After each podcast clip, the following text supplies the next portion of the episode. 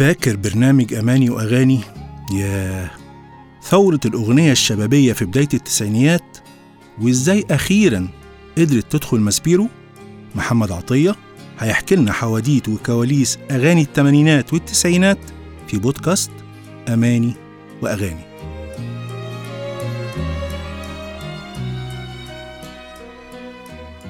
في أواخر الثمانينات فاجئنا الموسيقار يحيى خليل بتصريح غريب جدا بيقول فيه مصطفى قمر هو مطرب مصر القادم. لن يفوقه أحد. فإمكانيات صوته تهزم الجميع. وعمره 21 سنة. شخص جيد فاهم للأمور وكلها ميزات غير موجودة لدى كثيرين من الموجودين حاليا. التصريح ده هيخلينا نسأل شوية أسئلة. أولها هو ليه قال كده في التوقيت ده تحديدا؟ وهل ده له علاقة بخلافاته الضخمة مع محمد منير فقرر إنه يجهز مصطفى عشان يبقى خليفته؟ وده هيخلينا نفتح باب تاني نتكلم فيه عن إزاي بيتم صناعة النجوم في مصر وهل العملية ماشية بالنية والعند ومين يستحق إن إحنا نديله لقب صانع النجوم؟ في أي حوار ليحيى خليل ما بيفوتش الفرصة عشان يعلن غضبه من الوسط الغنائي ومن المطربين تحديدا ودايما بيكرر جملة أنا قفلت الجمعية الخيرية لاكتشاف المطربين. طب عاوزين نعرف مين هم المطربين اللي اكتشفهم وخلاهم نجوم؟ لو كان بيقصد منير فدي سرقة علني. لأن الكل عارف إن مكتشف منير هو عبد الرحيم منصور ومعاه الحاج أحمد منير. ويجي بعدهم الموسيقار هاني شنودة اللي غامر بصوت منير بل أقنع ملاك شركة سونار إنها تنتج له والكلام ده كان على مسؤولية هاني شنودة الشخصية لأن الشركة كانت رافضة تغامر بالتجربة. الأغرب من كل ده إن اللي رشح يحيى خليل عشان يكمل تجربة منير كان هاني شنودة نفسه. تعالوا نبص بصة على جمعية اكتشاف الموهوبين.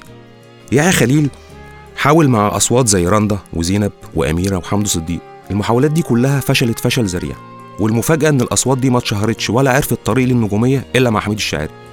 وده هيخلينا نرجع للتصريح اللي قاله عن مصطفى قمر ونحاول نكشف إجابات واضحة وصريحة للرد عليه. كلنا عارفين طبعا قصة اكتشاف مصطفى قمر لما حميد قابله بيغني على كورنيش اسكندرية وطلب منه يجي القاهرة عشان يقدمه لملاك شركة سونار.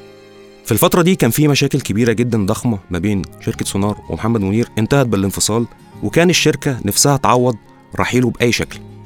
من هنا جه تحمسهم لصوت مصطفى قمر اللي لما سمعوا الأغاني اللي هو غناها لهم قالوا بس ده محمد منير الجديد.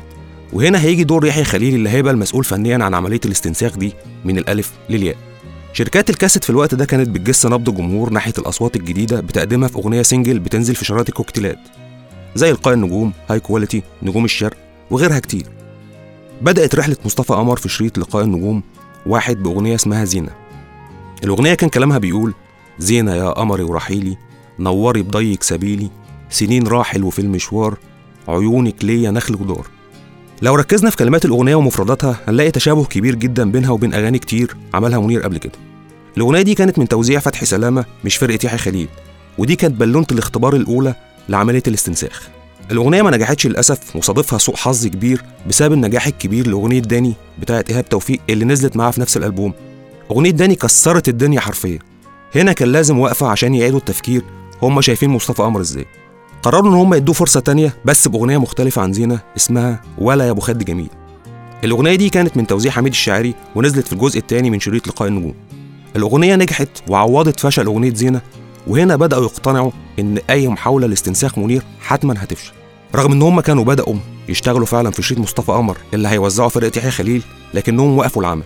وحولوا مصطفى من يحيى خليل لحميد الشاعري.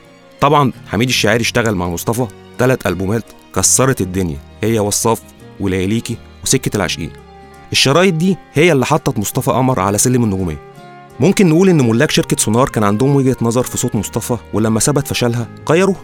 بس تصريح يحيى خليل عن صوت مصطفى مش ممكن نعتبره وجهة نظر أبدا لأنه ما كانش نابع من تحمسه ليه واقتناعه بإمكانياته قد ما كان عندي في منير وتعبير عن غضبه منه. مصطفى قمر كان الفرصة الأخيرة ليحيى خليل عشان يثبت إنه قادر يقدم صوت جديد ويعمل منه نجم. لكن المحاولة فشلت قبل ما تبدأ. يحيى خليل دايما بيناقض نفسه فمرة قال إنه جاله مطرب شاب اسمه عمرو دياب عشان يتبناه فنيا فرفض إنه يتعامل معاه وقال له تعالى لي كمان خمس أو ست سنين. الموقف ده هيكشف لنا عقلية يحيى خليل اللي بتتعامل مع النجوم الجاهزة لكن ما تقدرش إنها تعمل نجم. ودي النقطة اللي دايما يحيى بينكرها. بل بيتهم المطربين بالجحود ونكران جميله عليهم.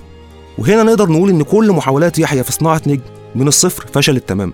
لأن الوحيد فعلا اللي كان قادر يحول التراب لذهب هو حميد الشاعري اللي نقدر نقول عليه إن هو صانع النجوم الحقيقي.